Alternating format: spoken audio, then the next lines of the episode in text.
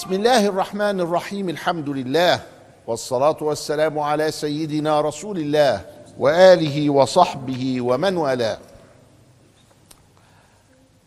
مع سيرة النبي المصطفى والنبي المجتبى صلى الله عليه وآله وسلم نعيش هذه اللحظات عسى أن تحفنا الملائكة فإن الملائكة تتنزل عند ذكره صلى الله عليه وآله وسلم. وأن ينور الله بصائرنا وقلوبنا من أجل أن نعي عنه وأن نفهم عنه ما نستطيع أن نسير به في طريق الله إلى الله. والله يفتح علينا فتوح العارفين به ببركة النبي المصطفى والحبيب المجتبى صلى الله عليه وآله وسلم. كنا نتكلم عن إرسال النبي صلى الله عليه وسلم للكتب في الآفاق إلى الملوك والأمراء والمشايخ والقواد وتكلمنا عن هذا المعنى فأرسل إلى المقوقس فأجاب إجابة هينة لينة وأرسل إلى قيصر إلى هرقل فأجاب إجابة هينة لينة وأرسل إلى كسرى فأجاب إجابة سيئة ومزق كتابه. وأرسل إلى المنذر بن ساوي فأسلم. ومن جراء ما كان من كسرى رأينا باذان وهو في اليمن لما أخبر النبي بموت ابن كسرى وتولية أخته باذان تعجب. ما الذي أدرك أعلم هذا الرجل؟ فأسلم ودخل في الإسلام. وأرسل أيضا إلى هوذة بن علي. وهوذة بن علي ده كان يعني محتل أو إن هو ملك الجزء الإيه؟ المنطقة الوسطى في المملكة العربية السعودية دلوقتي. المنطقة الوسطى اللي هي فيها الرياض فيها القصيم وفيها بريدة وعنيزة والحتة دي كده كل دي كده والخرج. ها؟ وزرمة وشجرة وك... كل الحتت دي دي كانت تبع الهوذة ابن علي. ودي كانوا يسموها إيه؟ اليمامة. ومنهم الست بتاع زرقاء اليمامة اللي كانت يعني عندها عين كويسة كده تطلع تشوف من ثلاث أيام. يعني يوصلوا بعد ثلاث أيام تقول ده في ناس أهي جاية أهي. سموها زرقاء اليمامة. على اليمامة دي الملك مين بقى؟ هوذا بن علي. هوذا بن علي ده بعت له سيدنا النبي واحد من الصحابة الكرام اسمه صليط بن عمرو. قال له خد ده روح بيه لنجد في اليمامة واديه لهوذا ابن علي. راح له. هوذا قرا الكتاب. قال والله الكلام ده ده كلام حلو قوي. إيه الكلام ده؟ أنتوا بتأمروا بإيه وتنهوا عن إيه و... قال له إحنا بنأمر بالعفاف ونأمر بالصلاة وننهى عن السرقة والكذب والزنا والخنا قال له ده كلام حلو جدا. حاجة غريبة قوي. أنا معاكم يا عم.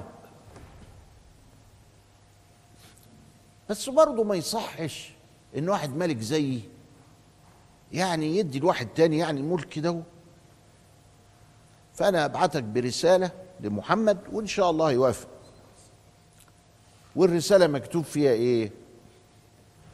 مكتوب فيها أنا معاك بس يعني برضو شاركني في الأمر.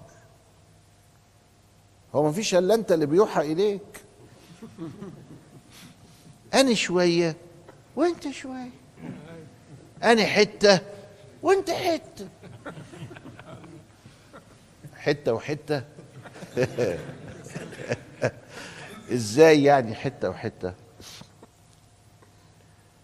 أنا دي, دي بسيط. يعني اديني أشركني في الأمر. أشركني في الأمر يعني نتقاس. الله. طب إزاي أنت مؤمن إن ده وحي؟ ده تبقى الوحي تمثيلية بقى ما تبقاش حقيقة. إزاي أنت مؤمن بالوحي؟ وبعدين بتقول آه، ما, خ... ما ناخد بعض حتة منه. ومش حتة كبيرة ولا حاجة يعني برضو كده قال صليت. طب وأنا لما أسلم هتاخدوا مني الملك؟ قالوا له لا مالناش دعوة بالملك. ملك خده أنت زي ما بس هننظم الأمور بس.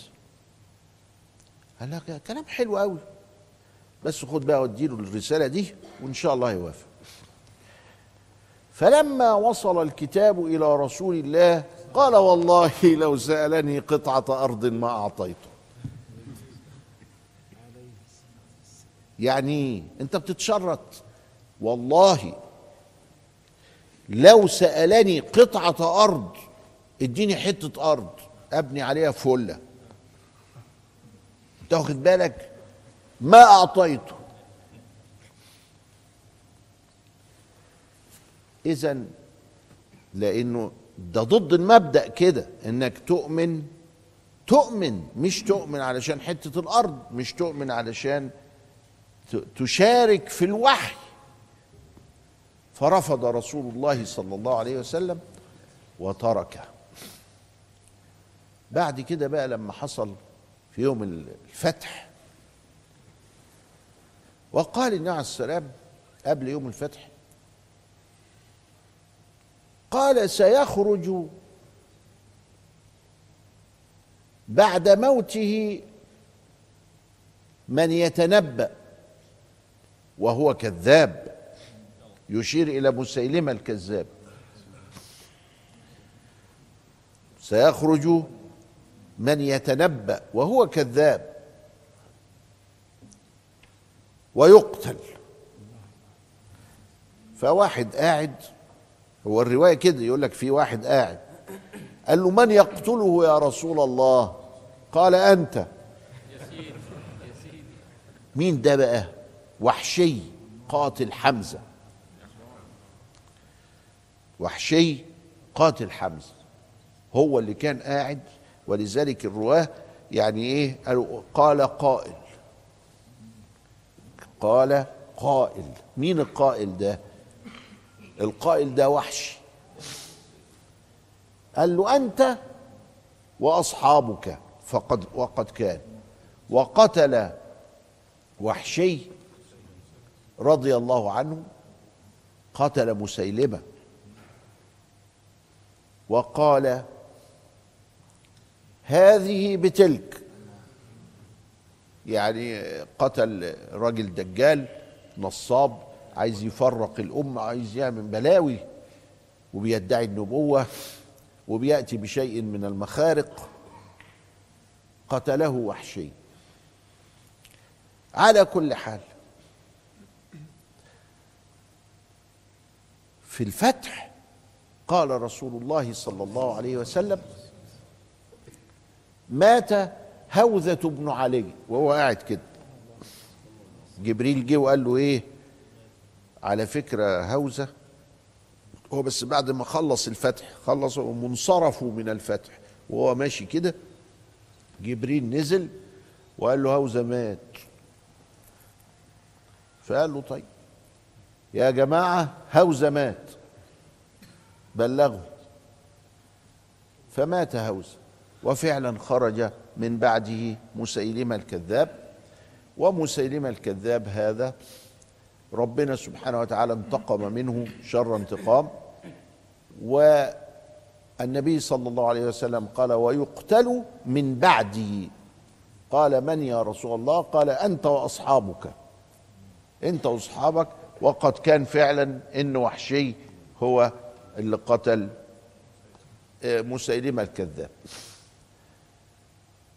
اذا اختلفت ردود الأفعال من الكتابات. واحد بعت له هدية وما أسلمش التاني قطع الكتاب التالت أسلم الرابع قال له طب أفكر الخامس أسلم وعطله ملكه وهكذا.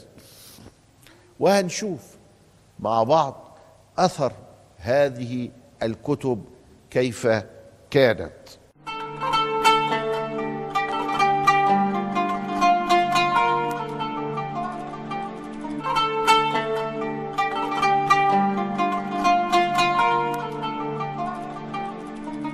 بسم الله الرحمن الرحيم. الحمد لله والصلاة والسلام على سيدنا رسول الله.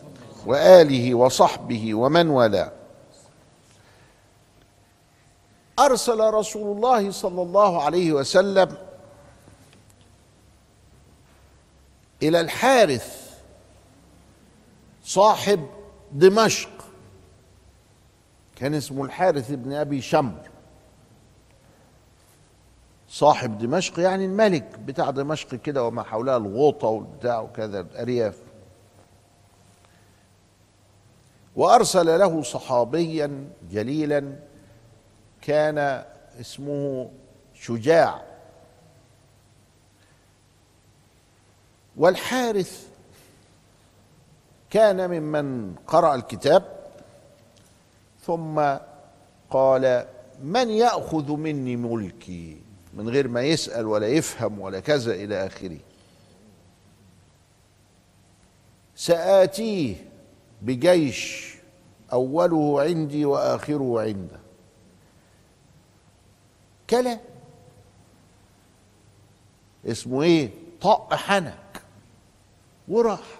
لا أسلم ولا ربنا بارك له ولا أي حاجة وانتهى أمره وخلاص. برضه ده تعده من ضمن قلة الأدب. ما هو في واحد مؤدب واحد قليل الأدب وواحد أسلم. حتى المؤدب ده ما أسلمش بس مؤدب. أرسل كان بقى هناك عمان عمان اللي هي موجودة دلوقتي سلطنة عمان بس كانت كبيرة شوية. عمان دي عبر التاريخ يعني ضمت إليها زنجبار وضمت إليها في البوساعديين بومباي بتاعت الهند. كانت كل المنطقة دي كده اسمها عمان. فعمان عليها كان واحد ملك عمان ده زمان اسمه الجلندي. الجلندي ده مخلف اتنين.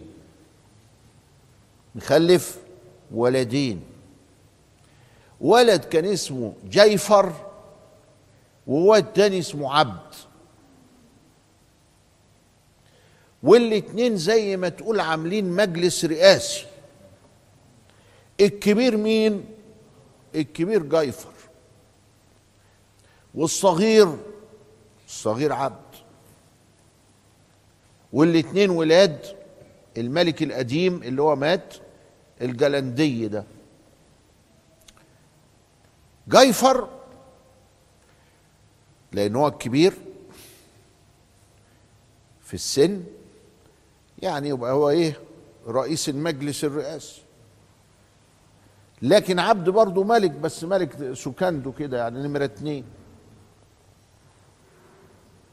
عبد قلبه رقيق بتاع مشاعر وبتاع يعني جيفر بتاع عقل مخ وشوية شديد كده. مشارب. مش ده مشربه كده وده وهم إخوات والاتنين ملوك واولاد ملك وكله تمام. فالنبي عليه السلام أرسل لهما. الله. يعني النبي كان عارف إن جيفر وعبد عاملين مجلس رئاسي. ما هو في ناس ما بتبقاش عارف. ما هو في عندنا هنا في مصر كان في رؤساء مش عارفين. مش عارفين حاجة خالص. فالمعلومات وهي جاية جاية متشوشة. لكن ده ده عارف. الانكت من كده بقى راح بعت الجواب لابني الجلندي جيفر وعبد. الله ده يبقى عارف. اللي أنكت من كده بقى إنه بعتهم مع مين؟ مع عمرو بن العاص رضي الله تعالى عنه. عمرو بن العاص ده هو كان ضد الإسلام وضد المسلمين وراح يدي يعني مقلب في المسلمين في الحبش. مرة واتنين. لكن ربنا من عليه أن رأى النجاشي قد أسلم. كان حاضر في المجلس اللي النجاشي بيسلم فيه. فأسلم. قال إذا كان الله. الراجل العالم التقي اللي قاري الكتاب والإنجيل وكذا بتاع ربنا هو والرهبان بتوعه. دول بتوع ربنا. أسلموا. يبقى أنا ما أسلمش. ده سبحان الله. زامر الحي لا يطرب وراح دخل الإسلام. دخل الإسلام هو ومين قلنا قبل كده؟ خالد بن الوليد. خالد ده ابن الوليد ابن المغير. الوليد مخلف 11 عيل منهم خالد ومنهم الوليد ابن الوليد. ال 11 عيل ماتوا في حياته إلا خالد والوليد أسلموا. إلا خالد والوليد أخوه الوليد بن الوليد وخالد بن الوليد الاثنين إيه؟ أسلموا. وهو ده اللي نزل فيه قوله تعالى في أحد الأقوال إن شانئك هو الأبتر. وهو في حد يعرف مين ال- شانئه ده؟ فيها تسعة أقوال ما نعرفوش أصلا. طيب فين ولادهم؟ أسلموا. طب واللي ما أسلمش مات في حياته عشان يشوف بعينيه؟ الكل إن هو الأبطر. طب خالد بن الوليد هو المشهور ولا النبي هو اللي مشهور؟ عليه الصلاة والسلام. عليه الصلاة والسلام. عمرو بن العاص شاف النجاشي بيسلم راح النبي بقى بعته لمين؟ لملك عمان اللي هم في الحقيقة اتنين. جيفر وعبد. الغريب بقى إن عمرو عارف إن عبد رقيق القلب وإن جيفر شديد. ده الله. ده كان عندهم معلومات who is who بس كاملة يعني. آه راح. قال طب أنا أعمل إيه؟ أنا لو دخلت على جيفر ممكن يعلي صوته عليا ممكن يخبطني بحاجة هو شديد. لكن أنا أروح لعبد. فراح لعبد.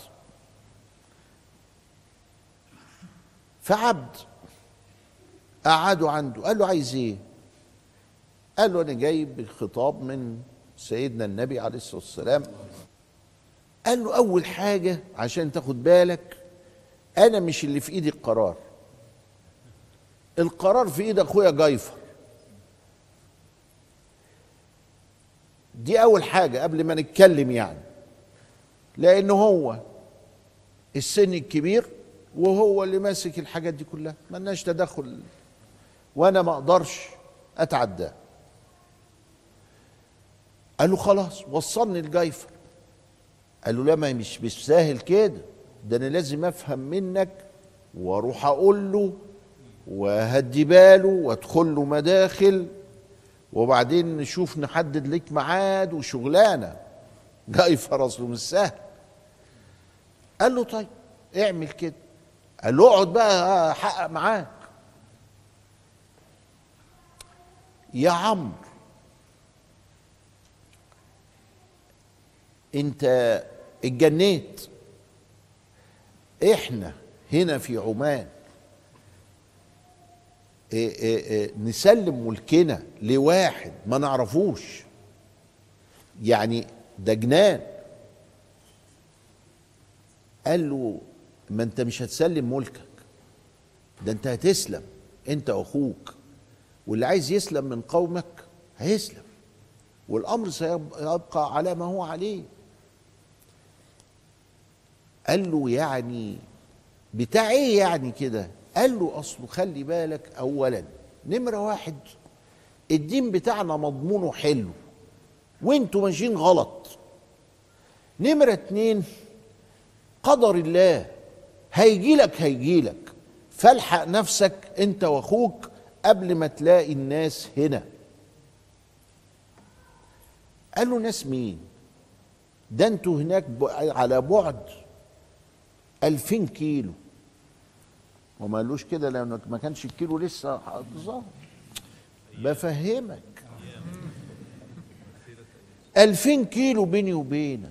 إيش ده أنت عبال ما تمشوا الألفين كيلو يتهد حيلكم وهنضربكم علقة سخنة. ما شفتوهاش قبل كده.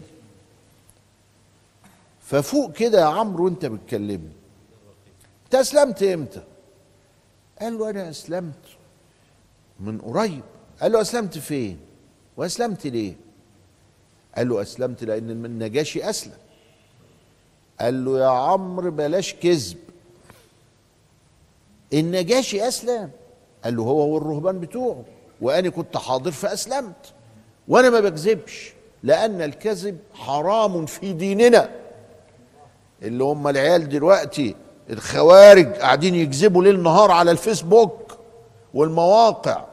الحرام في ديننا ما يكذبش ابدا.